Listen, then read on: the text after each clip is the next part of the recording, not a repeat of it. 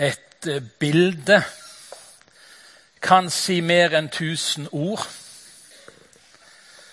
Noen sitter her og sier 'eia var vi der'.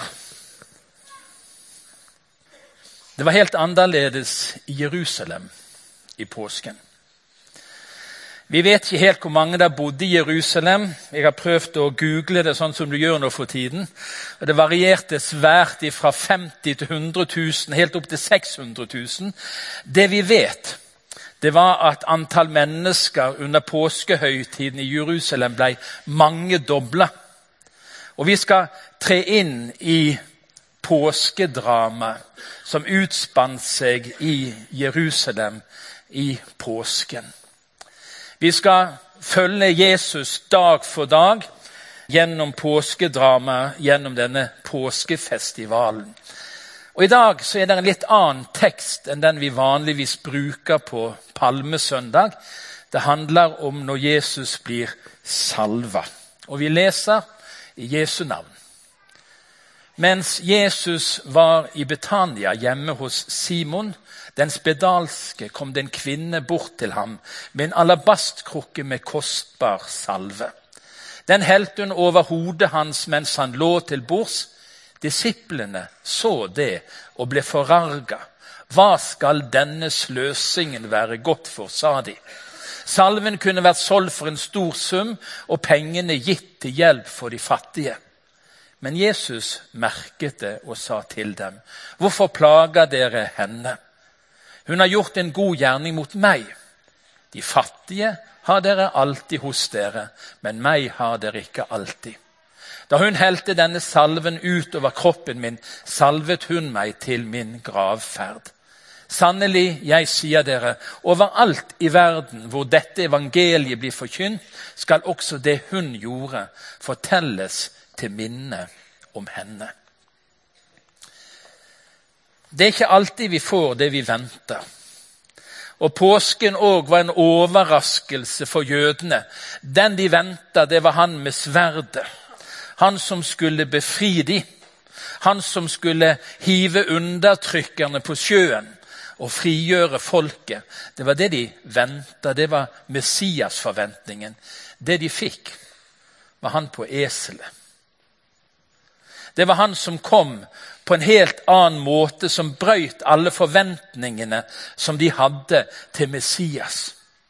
Og så sa Jesus det så tydelig. Min kongsmakt er ikke av denne verden.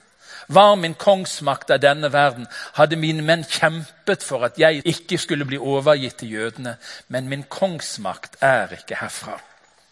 Og så kan vi tenke ja, det var jødenes forventning. Hva er vår forventning? Hvem venter vi? Hva forventer vi av Jesus? Forventer vi Han som alltid rydder opp i alle ting og er seierherren? Eller forventer vi Han som kommer med en annen type fred? Som bygger et annet rike? Et rike som ikke er av denne verden, men som er inne i oss.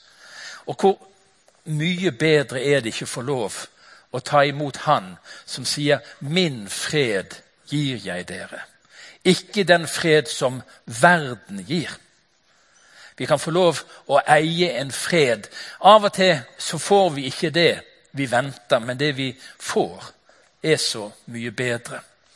Og Da går vi inn i teksten. Hvis du følger med, så forsto du at dette var liksom litt på utsiden av teksten. Der er en tid for sløsing.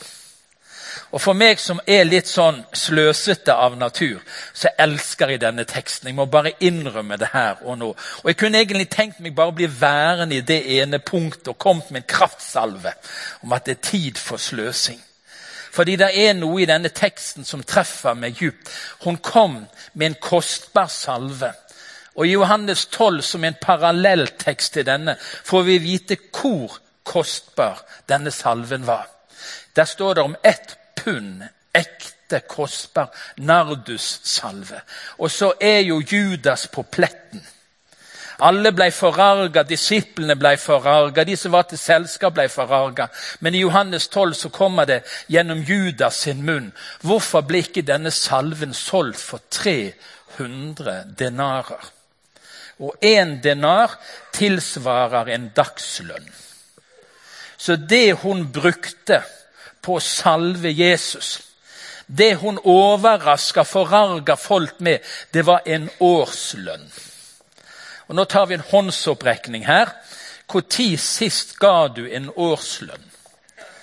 Ja, på å sløse salve ut over Jesus. Når ga vi så vi det virkelig svei? Dette hadde hun sannsynligvis tatt vare på til en spesiell anledning.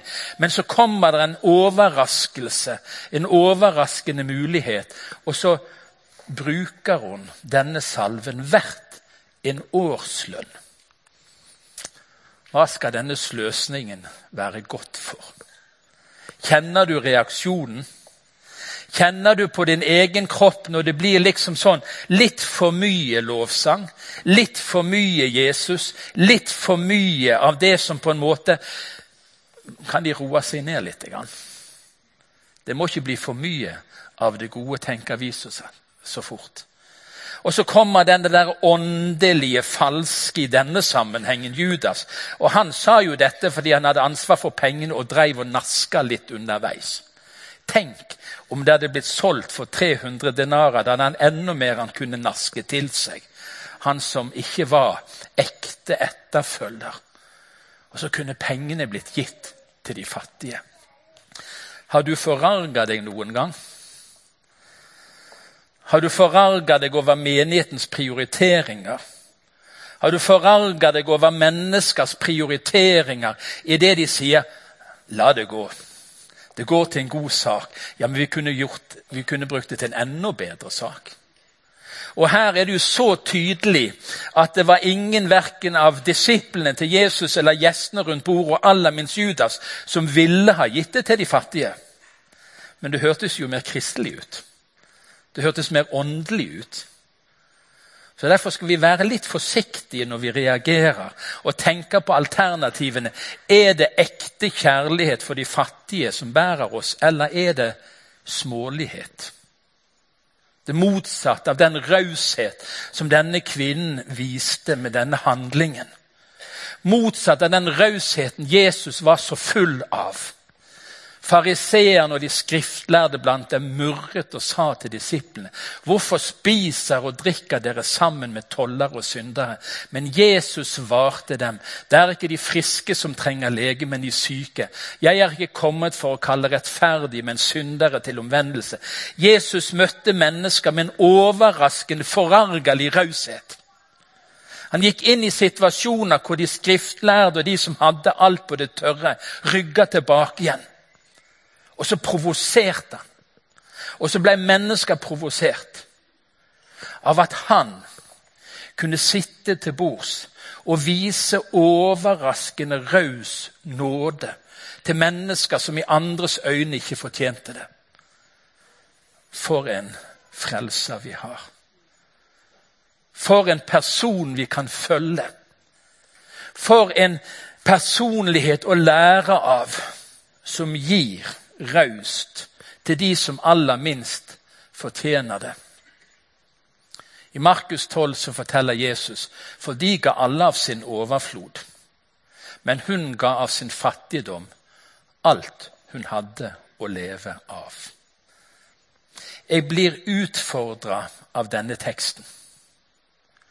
Jeg blir ikke negativt provosert av den. Jeg blir ikke forarga, men jeg blir litt flau. Jeg kjenner at det gjør noe med min, mitt behov for sikkerhet, for trygghet.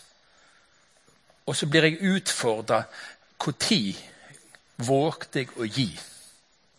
Når vågte jeg å ofre? Når vågte jeg å si 'la det stå til'? Det ordner seg nok. Jesus fortjener alt. Jesus fortjener det beste. Når var du i en sånn situasjon. Og hvor du gjerne på en spesiell måte fikk kjenne gleden av å virkelig gi. Derfor sier jeg deg, hennes mange synder er tilgitt. Derfor har hun vist stor kjærlighet. Men de som får lite tilgitt, elsker lite. Det er noe med å være nær Jesus. Å leve i en syndenes forlatelse som vi ikke har fortjent. Få lov å leve i en nåde som bærer oss gjennom alt og alltid. Og få lov å kjenne Jesus. Du har gitt alt. Du har gjort alt. Din raushet overgår alt som vi kan sammenligne med. Og så får vi lov å gi tilbake igjen. Tygg litt på den setningen. Sant disippelskap handler ikke om hvor mye du vet, men hvor mye du elsker. Noen av oss er jo opptatt av det vi vet. og Vi tar gjerne en teologisk debatt, gjerne på strak arm. Vi er ikke redd for å utfordre noen på dette det som står. Sånn er det. Sant disippelskap handler ikke først og fremst om hvor mye du vet, hvor mye jeg vet, men hvor mye vi elsker. Og hvis du lurer på om det er bibelsk, om jeg har profetisk gave, kjenner alle hemmeligheter og eier all kunnskap, om jeg har all tro så jeg kan flytte fjell. Hvem av oss vil ikke ha det? Kjenne alle hemmelighetene. Eie all kunnskap. Ha større tro så vi kan flytte fjell. Men ikke ha kjærlighet. Da er jeg intet. Her satt disiplene rundt bordet. Her var det gjester som var vant til dette, hvordan det skulle være. Og så kommer der en kvinne inn. Sannsynligvis Maria. Hun som en gang hadde sittet ved Jesu føtter og tatt imot av hans ord. Og så tømmer hun ut den kostbare salven, verdt en årslønn, på Jesus. Vet du hva? Det er en tid for sløsing, folk. Det er en tid for Guds folk å sløse. Å gi til Jesus. Og Dette er ikke en kollekttale, for kollekten har vi allerede holdt. Sant? Så du kan slappe helt av. Vi skal ikke ta kollekt med utgangen i tillegg. Det var En som ikke var fornøyd med kollekten, for han fikk høre tallet før møtet var ferdig. Så sa han vi tar sender korgen rundt en gang til. Vi skal ikke gjøre det sånn i dag. Men det er en tid for sløsing. Det er en tid for raushet. Det er en tid for å gi slipp og våge. Og det hun gjør, er en profetisk handling. Da hun helte denne salven utover kroppen min, salvet hun meg til min gravferd. I jødisk tradisjon så hadde salvingen stor plass. Jeg har med meg to forskjellige salver olje denne søndagen. I jødisk tradisjon så salver de i mange sammenhenger. Aller mest skulle kongen salves. De helte olje over hodet for å vise at han var innvia og utrusta på en spesiell måte til tjeneste. Og Det er kjent i kirken at vi salver syke når vi har forbønn. Det er vi vant til. Denne oljen lukta så sterkt at jeg måtte tørke av den på forhånd. Det er en olje brukt, en mer enn gledens olje. En olje til oppmuntring. Hvis du ønsker å på en måte at Kristi velduft i større grad skal prege deg, så kan vi bruke en olje som symbol. Jesus var konge. Jesus var Messias. Men han blei ikke salva. Ikke sånn som en konge og en hersker skulle salves. Men han ble salva av en kvinne som skapte forargelse. Som skapte motstand. En som raust ga det mest dyrebare hun hadde, på Jesus. Men det var en salving av Jesus òg. Han ble salva på en annen måte, står det. Jesus fra Nasaret ble salva av Gud med hellig ånd og kraft. Og Han gikk omkring overalt og gjorde vel. En dag så Jesus var si, på vandring, så hørte de en stemme fra himmelen. Og Det kom en due som ble senkt ned over ham, og Gud sjøl talte inn og sa 'Dette er min sønn'. Og så ble han salva med hellig ånd og kraft. Han er en annerledes konge. Han ble aldri salva av de jødiske lederne, av fariseerne og de skriftlærde. Han ble ikke salva av de du skulle forvente skulle salve han og innsette han som konge. Han ble salva på en helt annen, annerledes måte. Og det er jo litt forunderlig, for her hadde de en tradisjon å gå og salve den døde kroppen. Men hun gjorde en profetisk handling. Og før hans død ble han salva. Som en forberedelse, som en forkynnelse, som en fortelling om det som ligger foran. Og denne søndagen har sin egenverdi. Jesus som konge, Jesus som Messias. Samtidig forteller denne søndagen om noe som ennå ikke har skjedd. Noe som skal skje. Den peker framover på skjærtorsdag, på langfredag og på oppstandelsen påskemorgen. Og på en eller annen måte så så hun det. Så salva hun ham til hans gravferd. Sånn at når de kom, Maria og Maria Magdalena, Jakobs mor og Salome, så var graven tom. Det var ingen å salve. Han var allerede salva av denne kvinnen ved dette måltidet. De fattige har dere alltid hos dere. Det var mye falskhet rundt dette bordet her. Du kan nesten bli litt irritert.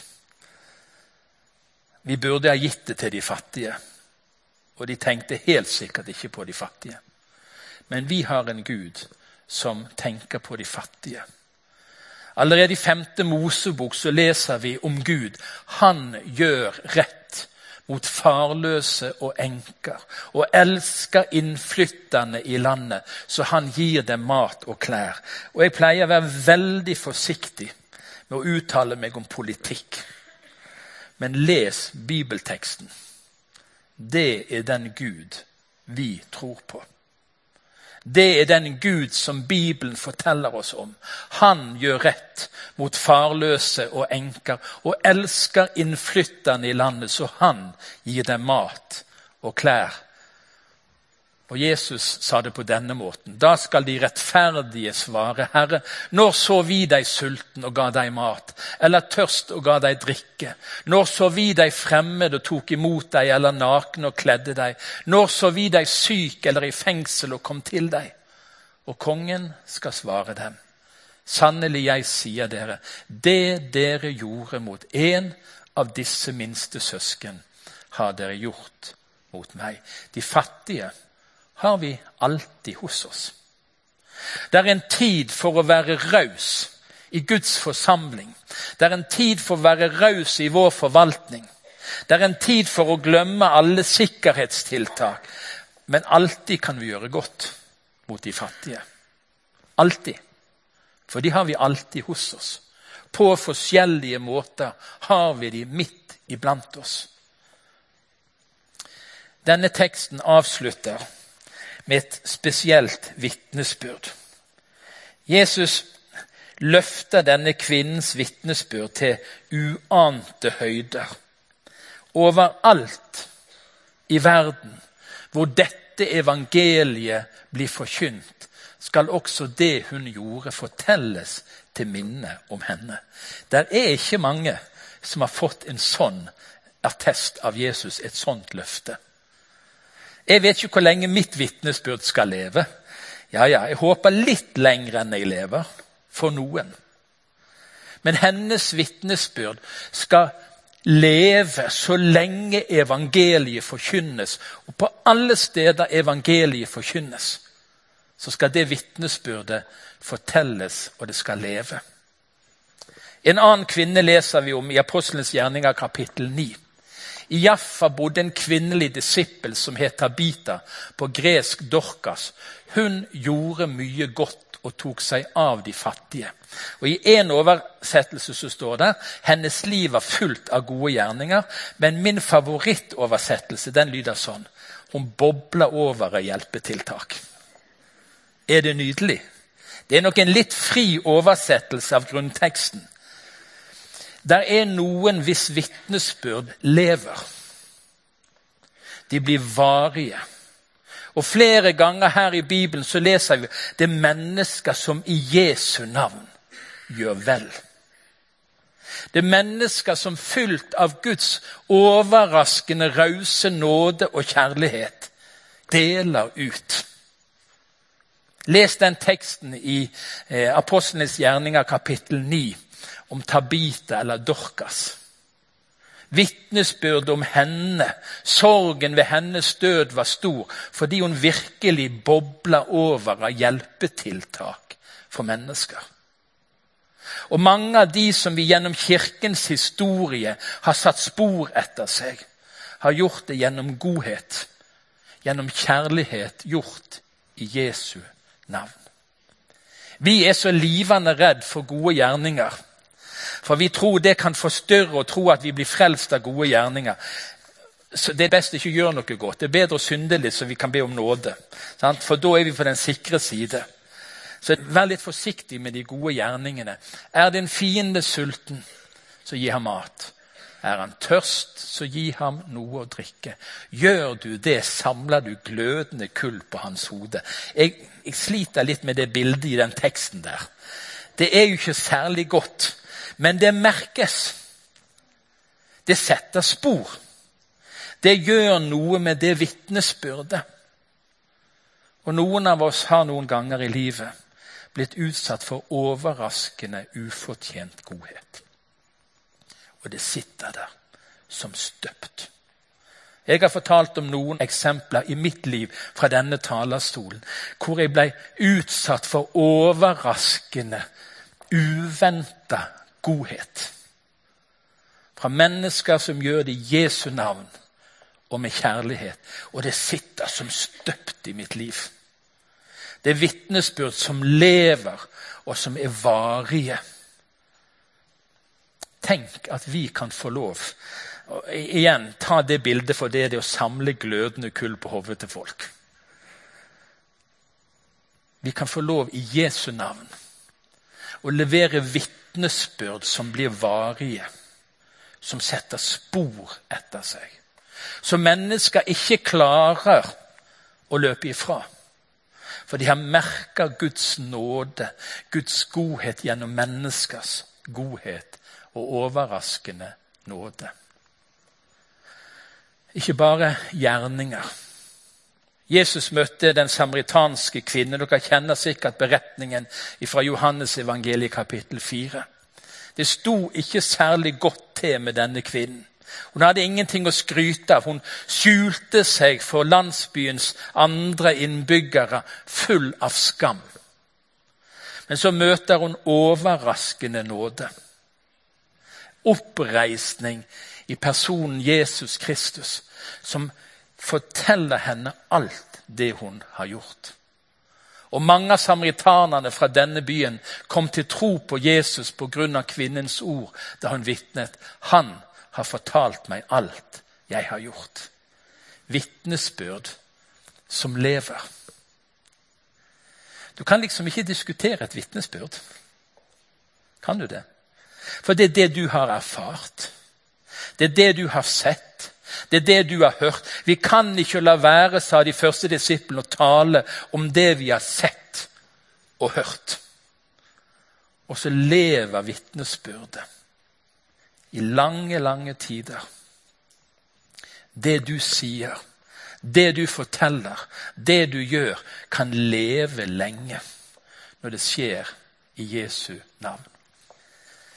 Dere skal få være med meg på påskeleir. Tenåringsleir. Til Vevlestova leirsted på Osterøy. I vår ungdom så var vi i alle fall på én påskeleir. Av og til klarte vi to.